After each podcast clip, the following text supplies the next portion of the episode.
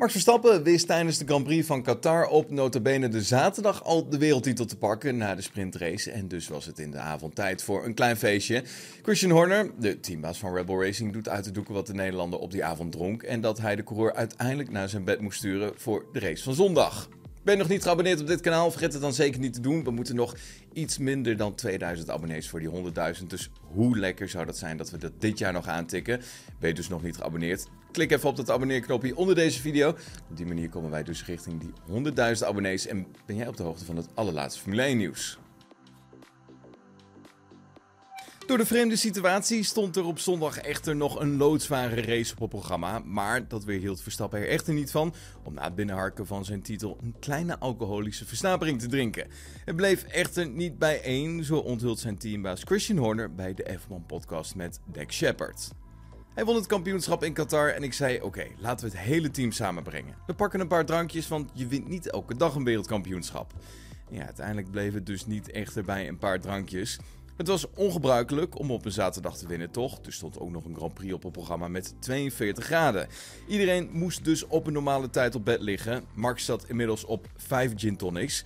Ja, toen moesten we echt stoppen. Iedereen moest naar bed toe, maar uiteindelijk had iedereen toch een kater op zondag. Ja, het werd immers een loodzware race in Qatar. Verstappen had er opmerkelijk genoeg weinig last van vielen coureurs flauw door de hitte, maar ik denk dat Max in een soort van detox zat. Zo lacht de Brit in ieder geval. De drank deed Verstappen weinig kwaad. Hij won namelijk gewoon de Grand Prix met groot gemak. Ja, het rommelt een beetje rondom Fernando Alonso. Er zijn veel geruchten en het verval van Aston Martin lijkt de laatste races te knagen aan de ervaren Spaanse coureur.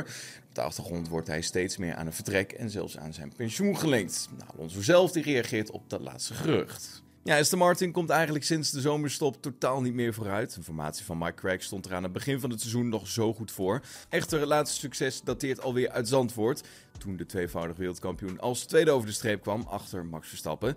De twee laatste races eindigden in een uitvalbeurt.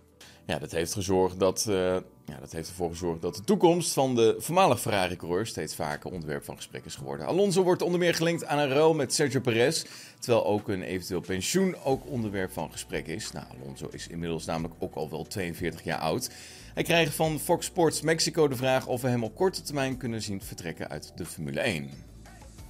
Op dit moment niet. Ik weet dat ik richting het einde van mijn carrière ga, maar op dit moment zie ik dat einde niet. Ik heb nog geen datum wanneer ik mijn loopbaan wil afsluiten. Zo klinkt dus een duidelijk antwoord vanuit Alonso. Dat is dan weer goed nieuws voor ons, want voorlopig kunnen we nog even genieten van zijn rijkunsten.